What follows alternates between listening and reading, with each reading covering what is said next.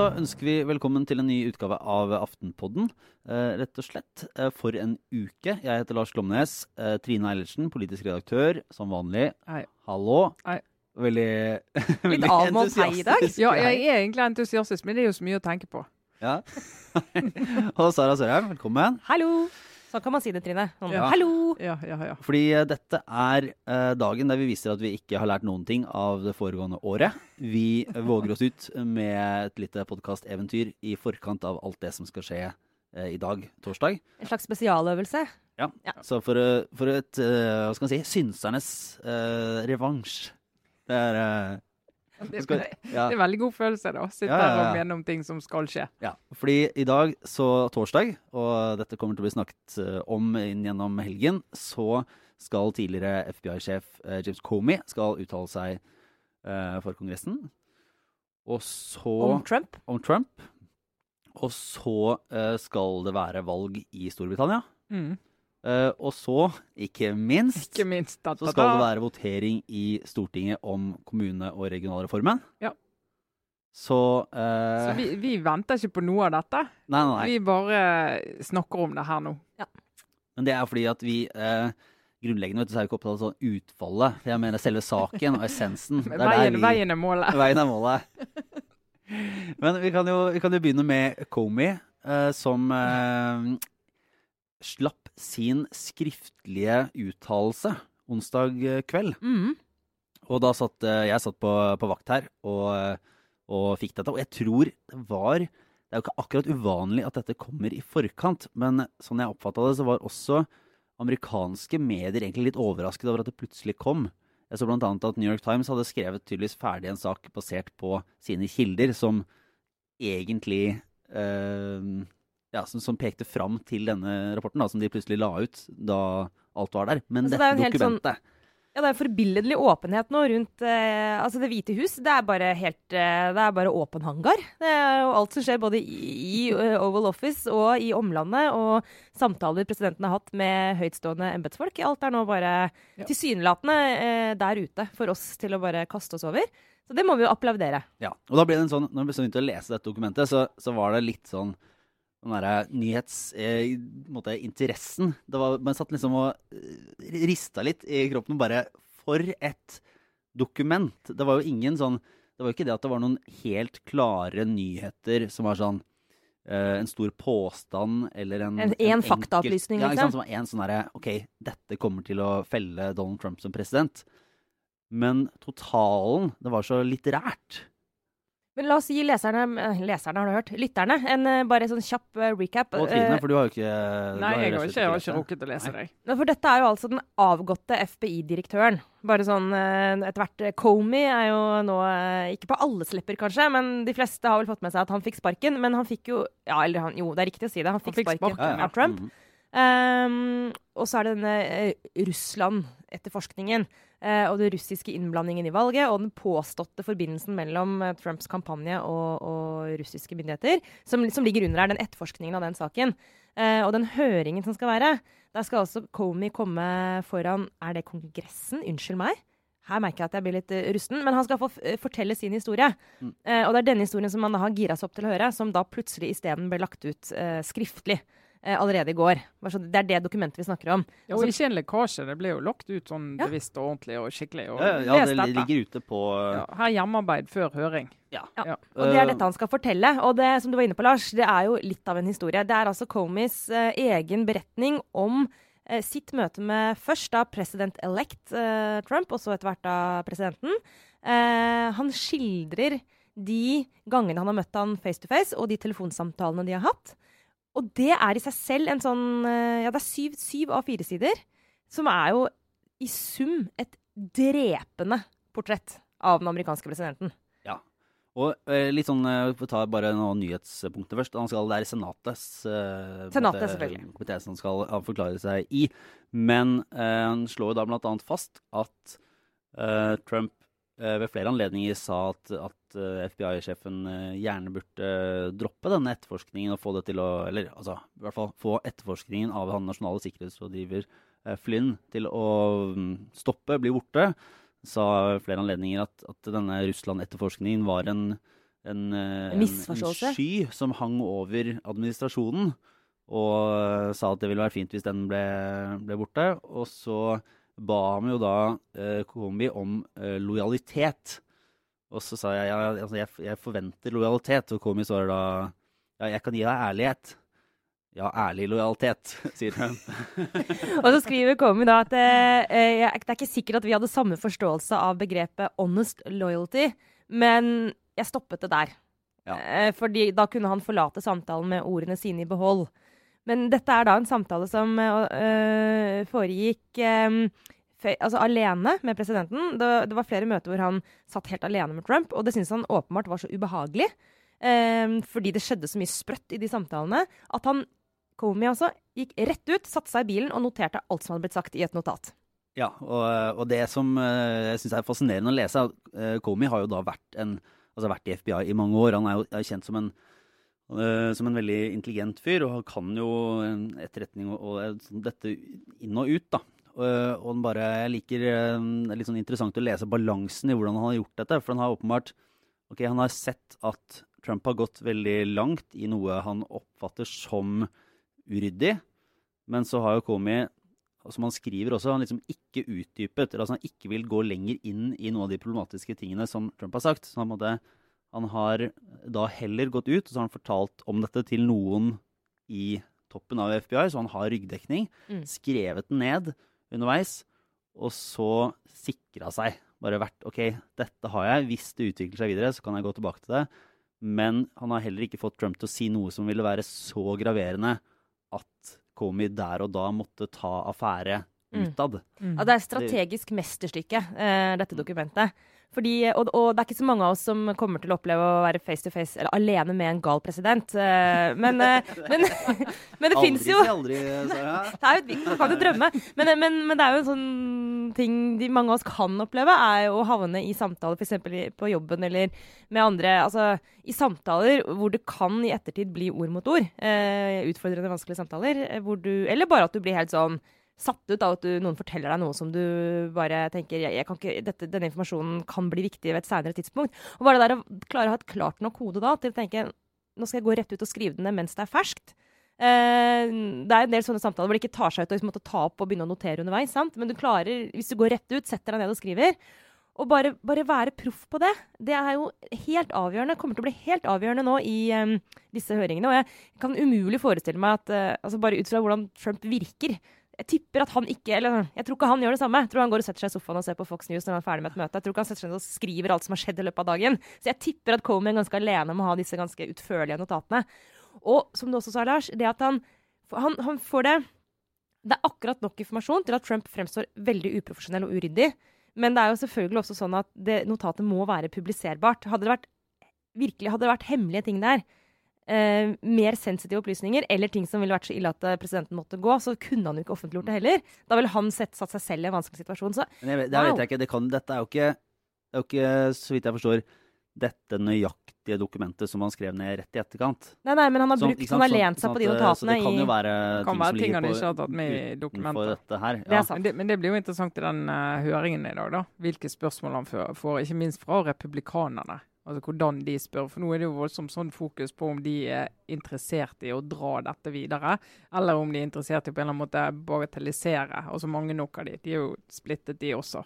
Mm. eh, For å se hva konsekvenser det får. Så vi får se. Ja, Der skal ikke vi foregripe begivenhetenes gang. Nei, jeg kan bare sukke, ikke sukke da. Vi er glad vi ikke har eh, amerikanske tilstander, som det heter på skrekkspråk her hjemme. Men, men det er klart, høringene i kontroll- og konstitusjonskomiteen, det er på en måte, de har litt å gå på.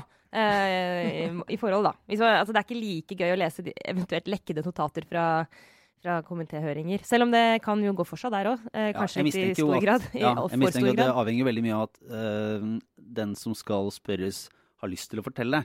Ja. Uh, og jeg innbyr meg at Comey, hvis han ikke hadde noe ønske om å måtte dele eller gi noe, så ville den, øh, den skriftlige forklaringen sett ganske annerledes ut. Mm. Nå han har på en måte Han får sparken av Ja. en helt urimelig president. Og har selvfølgelig et ettermæle å, å ta vare på. Ja. Så vi får se. Du la ut Mhm. denne teksten på vår Facebook-side i går, gjorde du ikke det, Lars? Ja, og Ja. den eh, på vår Facebook-side, som eh, alle bør eh, følge, der vi legger ut litt av hvert, og på den interne chatten vår, som er publisert og ligger åpent tilgjengelig for alle på ap.no slash aftenpodden. Bra. Da klarte vi ganske sømløst å drive litt sånn egenreklame midt Ja, i sendingen. tidlig også. Ja, Ja, det var veldig Dette er veldig bra takter. sånn, Kan vi eh, krysse- Da, er det da vi har en fin overgang til det andre vi har lagt ut på Facebook-siden vår i dag? Nettopp. ja. Nemlig eh, førstesider fra britiske tabloidaviser. Oh. Den ene uh, vet ikke, Jeg vet ikke om jeg skal si legendarisk, for det er jo der de legger seg, britiske tabloider, når det er noe som gjelder. Men uh, The Sun sin uh, førsteside i dag, uh, Labour-hatende The Sun, har eh, laget en uh, førsteside eh, med altså eh, Det lukter sånn- svidd av. Den er Ja, eh, må kunne si det. Det er vel eh, Altså med tittel 'Don't chuck Britain in the core bin'. med et bin er som alvorlig vet et bossbånd. Eller søppelspann, som det heter på, norsk. Veldig fornøyd med at hun sa bossspann først, Trine. Ellers hadde dette blitt en nasjonal Det hadde, hendelse. Det måtte jeg ha beklaget det på skolerett i, i Bergen. Uh, men uh, Det hadde jeg måttet gjort, men i bosspannet altså. Men da, da eh, listet sønnen opp grunner da på førstesiden sin, og det er mange, så jeg skal ikke lese alle. Jeg skal bare lese min favoritt, noen av mine favoritter til at velgerne ikke må stemme på Jeremy Corbyn i dag. En av de er at han er useless on brexit. og en annen er at han er en marxist extremist. Og en tredje er altså at han er en terrorists friend, intet mindre. Og så er det en seks-syv til. Så det er, det er heftig, altså. Ja. Og Daily Mirror har vel en eh, tilsvarende Ja, Daily Mirror, som er eh, meg-dødere på ja. sin Ja. første side. De er jo venstreorientert, så de Mm. har jo et det, er altså, verdens styggeste bilde av Theresa May. Og det er altså så Og det er jo nok å ta av, for å si det sånn. Det er nok å ta av. Det er så utrolig dårlig gjort å kline et sånt bilde som de har lagt eh, Det på bildet du fronten i mener er problematisk, eller? Altså, Tittelen 'Lies, Damned Lies' and Theresa May er heller ikke uh, kjempeålreit. Men, eh, men jeg synes faktisk, hadde det vært meg, så hadde alle vet jo at det er ikke så farlig hva som står der hvis det er pent på bildet. Det vet alle. Det jo det Men ikke. her er det det er grusomt bilde av henne, og det er jo um, uh, på en måte et tabloid mesterstykke. Du bruker jo de virkemidlene man har, til å gjøre det ganske tydelig at denne heksa må du ikke finne på å stemme på. Og når jeg sier heksa, så er det fordi at um, det, handler ikke, det er ikke sånn, egentlig noe sånn kjønnsspesifikt det som skjer her, men det er klart at en sånn, det, det, det bildet av henne det får henne til å fremstå som en ja, den Heks. type Ja, som en heks, rett og slett. Det er ikke noen annen måte å si det på. Det er et helt forferdelig bilde av henne. Men uh, bare Det er jo ulike skoler i eh, journalistikken da, på, Ja. på, å- på om det er riktig å ta stilling i valg. Mm. Og uh, Aftenposten har vel hadde en lang periode der det var veldig tydelige. Eh, lang periode I lang periode hvor vi var veldig tydelige, det veldig kan man si. Ja, det kan man si. Som lå i lomma på Høyre. I, Jeg var jo en del av regjeringsprosjektet til Høyre Høyre, på 80-tallet. Ja. var Aftenposten. Mm. Og så, så var det jo ingen Så hadde vi ikke på en måte valganbefalinger før du introduserte den. Ja, altså, jeg nekter jo å kalle det en valganbefaling, da. Fordi at jeg mener det er så arrogant at en avis skal be leserne sine om å egentlig gjøre noe som helst.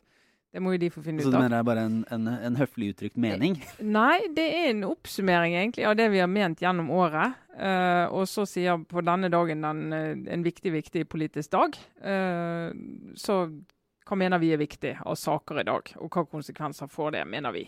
Uh, I Aftenposten. Men vi mener jo mye, vi, som vi ikke ber leserne om å mene. Men eh, Mm, nå har vi jo instituttet med lederartikler, så da Men er det da egentlig bare en altså, hva mener du, Er det en formforskjell mellom disse britiske avisene og det Aftenposten gjør, eller er det en vesensforskjell? Fordi de bruker jo da sitt tabloide språk til å måte hamre inn mm, Uh, sitt syn da, på lederplass. Ja. Og så er de nok de er jo tydeligere sånn, de sier jo bare sånn OK, gå og stem dette. Det er jo det ja, har jo ja, de gjort. er jo det. Og det er jo, altså, Mm. det er jo Aftenposten og, og de eh, riksavisene. Aftenposten og Dagens Næringsliv, Dagsavisen og Klassekampen, vel, som er tydelige. Eh, nå var det jo Det var jo ikke vanskelig å skjønne hvor Dagbladet lå eh, under forrige valg, men de, de, de av en eller annen grunn veldig viktig for de å ikke si det rett ut. Eh, men vi har jo en annen tradisjon. altså Dagens Næringsliv skriver vel en valgdagsleder. Eh, Når jeg har hatt ansvar for dette både i BT og i Aftenposten, så har vi skrevet det noen dager før. Det har vært et poeng å liksom ikke ha det på valgdagen for at det ikke skal oppleves som sånn veldig at vi prøver å påvirke velgerne på den måten. Men jeg har liksom syntes det var ryddig å oppsummere hvor vi står. Ut fra tanken om at hvis du leser lederne våre gjennom året, da. Så er det ikke helt mystisk at vi lander der vi lander. Altså, ideelt sett skal jo en avis på lederplass ha en sånn stringens i sin argumentasjon. Men, men det Eh, betyr ikke at du altså, Disse avisene i Storbritannia er veldig tydelige på parti og kandidat. mm. Uh, og det opplever jeg ikke at norske aviser så tydelige på parti. De er mer sånn, altså, sånn type Klassekampen anbefaler å stemme én av sentrum uh, rød-grønne. Um, og Dagsavisen har ligget noenlunde samme sted. I, Mm. I BT var vi, lå vi alltid sånn Anbefaler borgerlig borgerlige blokken. alternativer. Altså, men, altså, men ut fra å si at disse sakene er viktige, og løsningene finnes i dette rommet. Eh, Og du, Aftenposten skrev eh, leder i lokalvalget her for uh, halvannet år siden. Så var det også sånn Vi ønsker oss dette, det sittende byrådet. Mm. Vi kommer, vi kommer, Uten å si 'vær så snill, kjære abonnent, gå og stem', bla, bla. Men- Hva, gjør vi, hva gjør vi i ja, høst, tror du? Har du bestemt deg? Nei, vi har faktisk ikke bestemt oss ennå. Vi må ha en reell diskusjon om det. Men altså bestemt, har du ikke bestemt deg om vi skal gjøre det, eller ikke bestemt Vi må mene noe altså vi må mene noe mer om valget enn uh, 'vær så snill å gå og stem, uh, kjære velger', uh, som vi av og til har gjort. Som jeg mener er Du kan la være å skrive den lederen. Mm. Det er ikke vits i. ja. Men blir det ikke Men hvordan, hvordan ja. den blir, eh, og hvordan, for det er mange måter, veldig mange måter å gjøre dette på. Mm. Mm. Men det blir uh, Men det blir ikke et- som The Sun. Det blir ikke som The Sun, ikke som Mirror. Ja, ja. Nei, det, det, Ikke kast Norge på søppeldynga! det hadde jo vært altså, Man tar seg jo i å ønske seg den typen retorikk, bare fordi det er jo For det første, vi som jobber i pressen, kan jo kjenne en sånn intens kjærlighet til den virkelig tabloide kunsten. For det er på en måte den skolen vi har gått. Og ja ja, internett har kommet, men det er fortsatt ingenting som slår en skikkelig god papirfront. Eh, og de virkemidlene man har der, altså det, er så, det er jo fantastisk hva du kan få til. Så på et sånt formmessig eller mer sånn overfladisk nivå så er det gøy, men det er klart, det er jo, det er jo forferdelig destruktivt. Og se, som du og jeg snakket om før sending, Trine, se for deg at liksom, eh, Støre og Solberg skulle snakke til hverandre på denne måten, da, eller at vi skulle snakke til dem på den måten. Det blir jo bare Det, det blir jo ikke det blir, det blir jo ikke i nærheten av sak engang. Det blir Nei. bare person. Ja. Men forfriskende, det er det i hvert fall. Ja, men er det, Skal vi for uh, moro skyld bare gi en slags uh, spådom på dette valget, Ja. eller skal vi Ja, la oss bare du, Jeg kan Jeg jo bare vi, Altså, tenkte, Har vi, har vi ja. kommet oss unna dette? Nei, vi kommer Nei, vi kommer ikke oss unna det. Men altså, vi har jo lest litt analyser tross alt før vi gikk i studio.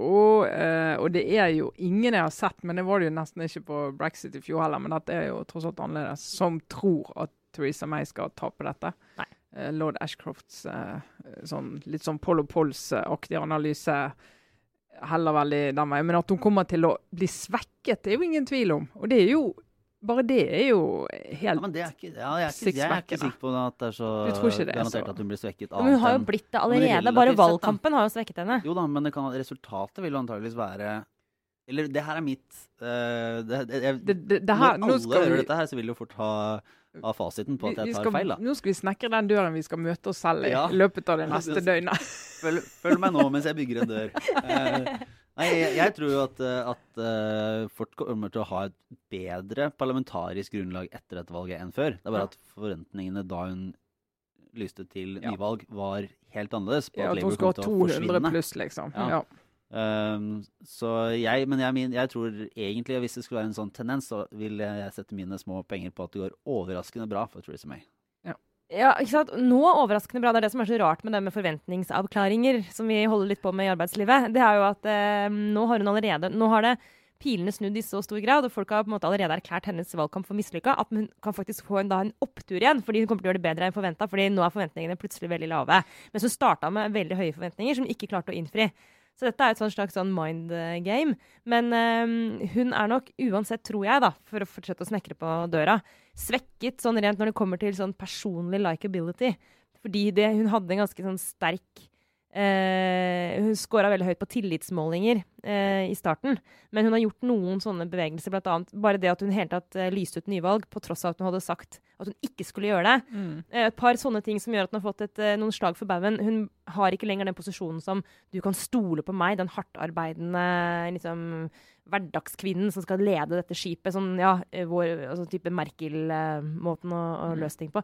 Så jeg tror hun er svekka som statsminister, på en måte. Men jeg tipper også at hun kommer til å gjøre et, et bra valg. Mm. Eh, dessverre tror jeg jo at eh, Corbyn også kommer til å Nei, som jeg sa forrige sending, det er bare tapere her. Fordi det blir heller ikke noe Det blir dessverre et såpass OK valg, tror jeg, for Corbyn at uh, han ikke blir pælma som Labour-leder.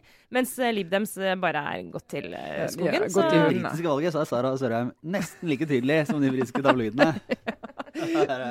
Men det var jo, jeg synes jo vår eh, journalist på stedet, Øystein Langberg, eh, sin sak i dag om at eh, de konservative praksis har slukt UKIP, UKIPs velgere, og, er eksempel på et konservativt parti som har håndtert ytre høyre ved å både ha en retorikk og en politikk som gjør at de føler seg komfortable i det klassiske ørepartiet. Det er en litt sånn interessant greie. Nå skal jeg bare Ja, men du må bare nei, si nei, at Sara. UKIP har jo også, er jo også sjældaua, da. Med de, Ja, ja. Når de plutselig Ja, ja, mot sin absolutt. De trodde jo ikke at de skulle bli brexit, så etter det så har de ikke noe sak å kjempe for. Nå ser jeg Lars er ganske Ja, ja. utålmodig her. Vil du videre? bare Jeg skal bare si at akkurat aller siste poenget var at de slukte jo faktisk UKIP ved å skulle melde Storbritannia ut av EU. Så det er jo på en måte en Ja, UKIP vant. Ja. UKIP vant og tapte så det sang. Ja, ja. Hele avstemningen kom jo i stand pga. Ja, så det var sånn deres vekst eh, forrige Muligheten til 2015. UKIP var å eh, Ja, gjøre noe det som det. eh, veldig mange ikke ville ha. Oh. Men til de virkelig store og viktige ting her i verden, Trine Eilertsen. Ja.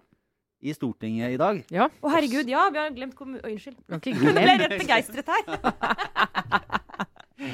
For da skal det voteres over, eh, over kommune- og. Regionreformen, ja. ja. Og da har jo Senterpartiet eh, som en slags eh, hva skal vi kalle det, en prank eller en politisk markering tvunget hele Stortinget til å møte opp. Det pleier de jo ikke å gjøre. De pleier å avtale sånn at styrkeforholdet er det samme uansett om det er nesten ingen til stede.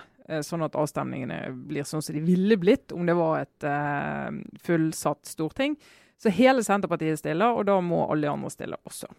Altså Strengt tatt så må ikke alle de andre stille. Nei, Men da taper de, er det sånn? Nei, men eller bare dette, den lille politiske spissfindigheten. Det er jo da vanligvis et veldig pragmatisk eh, tilnærming til voteringene. Så alle partiene er enige om at forholdstallet skal være likt, uh, og utfallet skal være likt.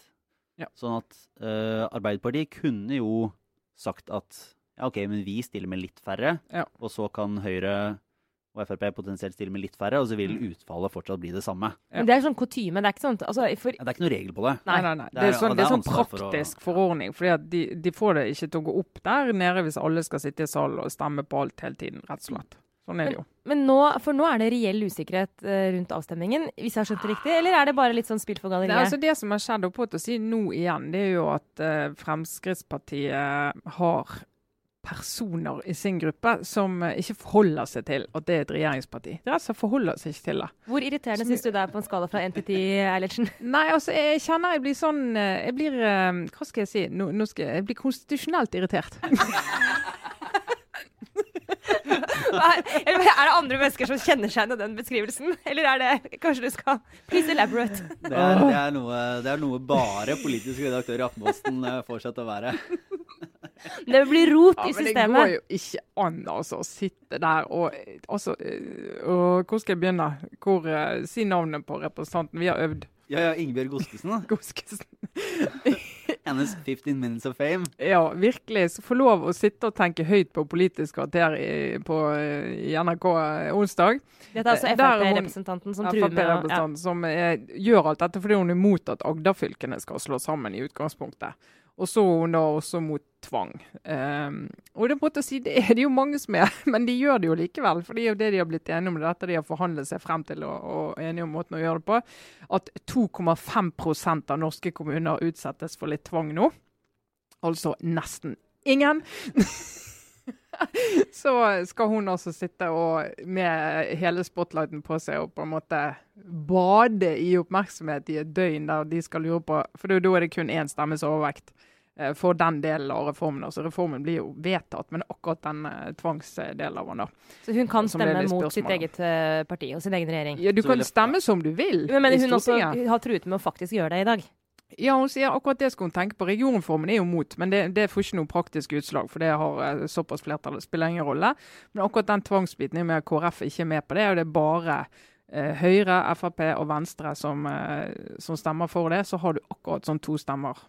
Er det som er da også litt interessant med denne manøveren, da, som, som igjen viser at Arbeiderpartiet er velvillig innstilt overfor Senterpartiet om dagen. uh, når de følger opp dette med at alle representantene må være med. Ja. Eh, det kan være noen tekniske spissfindigheter bak dette som også gjør at, eh, at det er mer eh, naturlig. Men jeg vet at det var reaksjoner i hvert fall fra en del i Høyre da det her ble klart. Og, og de ga tydelig beskjed fra, fra enkelte i Høyre til folk i Arbeiderpartiet at det er sånn hvis, dere, hvis dette er det modus dere vil ha, hvis dere liksom vil markere og bruke en sånn symbolpolitikk på å få tvinge alle til salen for å gjennomføre noe det er eh, Som det er flertall enighet for om. Ja. i, i eh, Stortinget, så skal dere få merke det dersom dere vinner valget.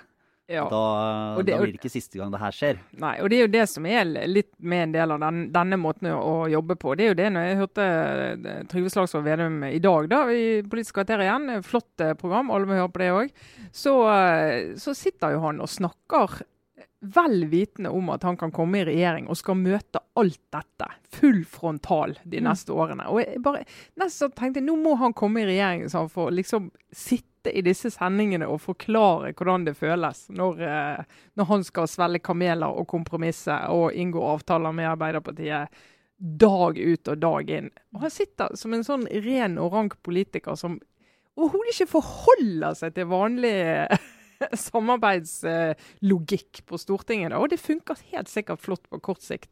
Men du vet, det her er Det går ikke an. Konstitusjonelt. Irritert.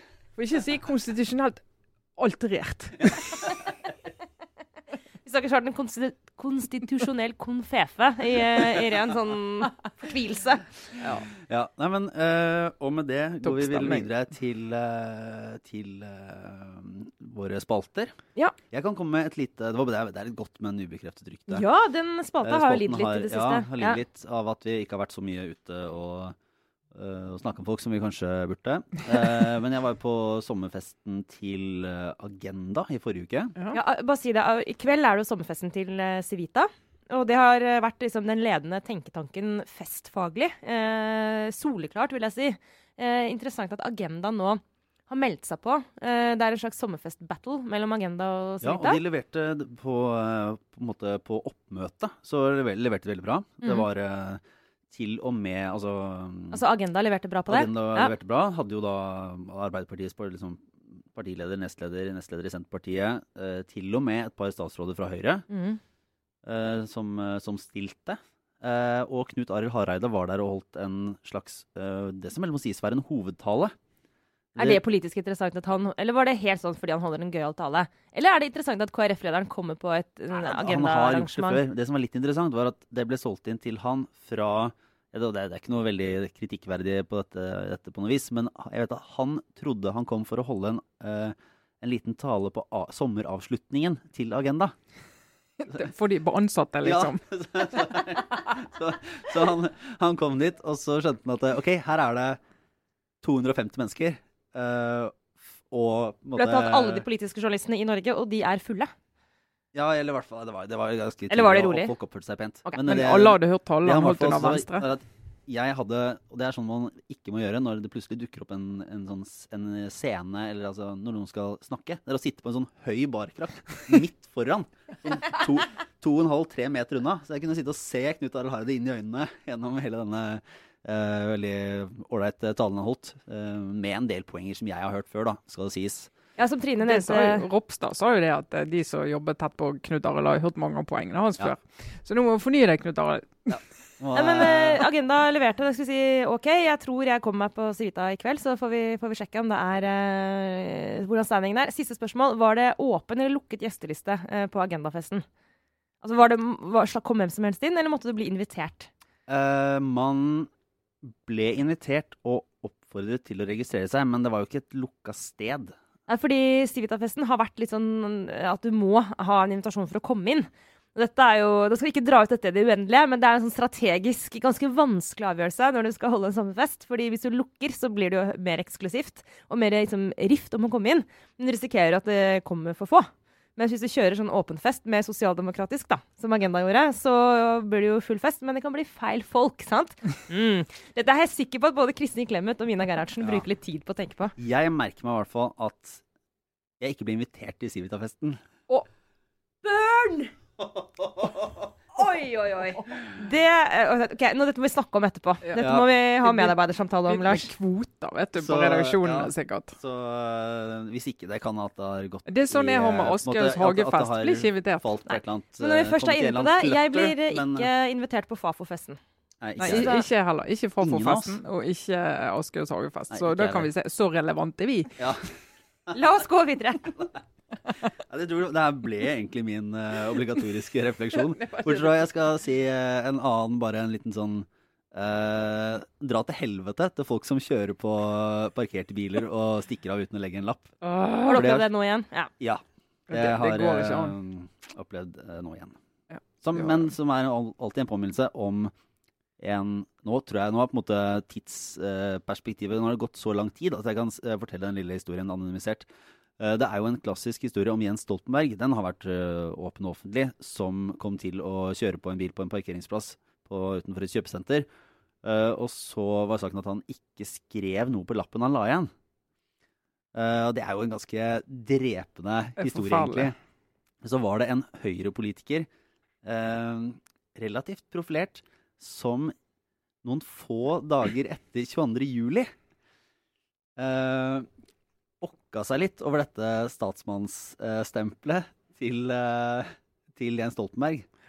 Og tørt bemerket at la oss huske, dette var mannen som kjørte på en parkert bil og ikke la igjen nummeret sitt. Han brukte det mot han. Ja. Ja. Noen dager etter 22. juli. Ja. S- Nice. Ja. Kunne valgt et annet tidspunkt. Ja, det var et Kunne det. nytt godt bekreftet rykte. Flott. Nei, altså I går dette, jeg, skal ikke, jeg skal ikke late som jeg har reflektert mye over dette. Det har jeg ikke gjort. Jeg har som vanlig bare irritert meg. Uten at det er så mye refleksjon. Men eh, i går så begynte det ut på dagen å komme sånne saker om eh, sånne jenter som skal henge opp Post-It-lapper eh, på speil, der det skal stå sånn 'Å, du er fin, og du, og du er så fin uten sminke', og du er sånn. Og det er da eh, viser seg en sånn kampanje, da. Eh, så hun eh, Susanne Kalutza i Trigger, og mm. fått med seg hun eh, Ulrikke Falk. Ulrike Falk, Skam-skuespilleren. Eh, veldig dyktig for øvrig.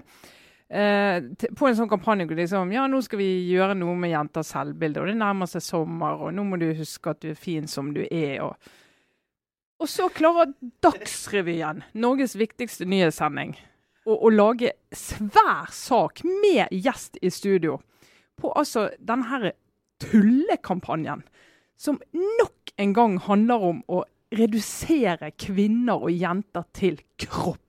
Altså Hvis jeg kommer ut på badet her, og det står en sånn gul Post-It-lapp der det står 'Du er fin uten sminke', hashtag Post-It-grillen. Tenner jeg fyr på den, og ren provokasjon. Og vil, jeg vil ha en svart lapp der det står 'Takk for at jeg lærte noe av deg i møtet i dag'. Eh, takk for at du eh, sa fra om det og det. Takk for at du er flink i jobben din. Du er dyktig. Du er en skarping. Whatever. Hva vet jeg. Men må det handle om kropp og sminke? Og... De må slutte. De må slutte. De må gjøre oss til noe mer, disse dommene. enn Hvor du mener at det reduserer? At det Ja, det reduserer det. Hver gang du skal liksom- kroppsfokus Ja, det er det de gjør. Det er bare på en annen måte. Og egentlig er jo dette for å gi oppmerksomhet rundt Tar jeg for gitt dette byrået Trigger som driver med Jeg gikk inn og googlet eller kikket på nettsiden deres i går. Så driver med et eller annet sånn eh, Vi skal utvikle samfunnet. Ja vel. Lykke til med det med Post-It-lappene. Altså, jeg skal holde meg helt rolig her, fordi noen av de involverte er rett og slett privat eh, nære venner av meg. Så jeg skal bare være helt rolig. Men, bare, men, eh, men likevel, hvorfor ikke være det? Eh, det, å, det å kommentere at du altså, Er det uansett feil å snakke om om utseende, for det er jo et utseendefokus. Så- Ja, men vi kommer ikke lenger. Altså, det er, sånn, er det sånn at ethvert problem forsvinner hvis vi bare snakker mer om det? Det er det ene. Vi kan godt snakke om det, og vi snakker om det hele tiden. Men når du først skal lage en kampanje, må de Post-It-lappene også minne meg om hvis jeg går ut på et eller annet speil et eller annet sted at står det 'du er fin uten sminke', f.eks.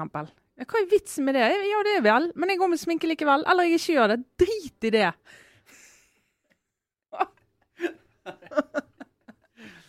Er, Hvorfor må noen se på hvordan jeg ser ut? Kan ikke de holde på med sitt? Stopp, slutt.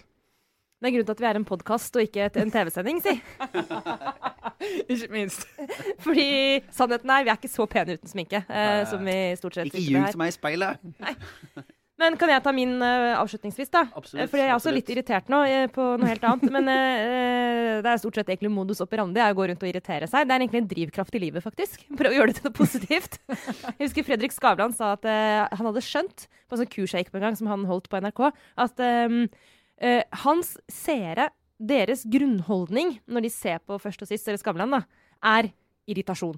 Altså, det, er det, folk, folk, det er det vi møter verden med stort sett, er irritasjon. Og det må du bare ta utgangspunkt i, og så må du ta det som en seier hvis du klarer å vippe folk fra irritert til f.eks. begeistra. Ja. Så det, det er bare tenkt at, det skal jeg bare tenke at sånn, det er menneske, menneskets sinn.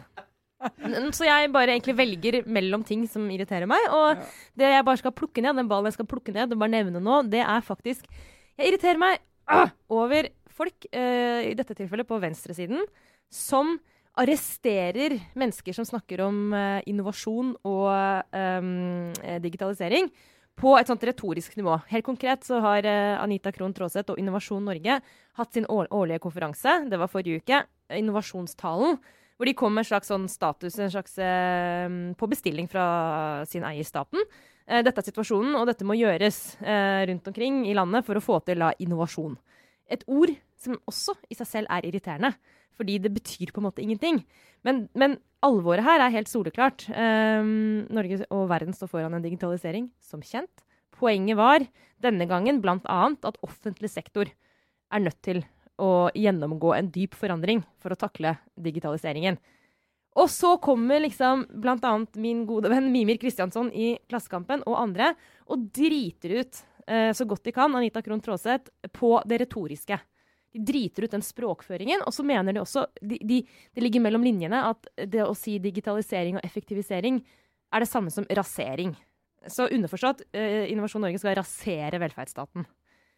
Det irriterer meg. Det er for enkelt. ja, det er lettvint. Det er lettvint. Men- Den er lettvint retorikk, og, så, ja. og som forkler eh, den helt utrolig, helt reelle problemstillingen. Som er at eh, vi må gjøre et eller annet med offentlig sektor Ja, for å verne de arbeidsplassene. no, noen, ikke for å verne arbeidsplassene, Men men, for at at vi skal greie å finansiere det, og at tjenestene skal bli bedre og bedre, som alle innbyggerne i dette landet forventer og har grunn til å forvente. Og at vi skal greie å gjøre det når vi har eh, litt eh, mer utfordrende statsfinanser enn vi har nå.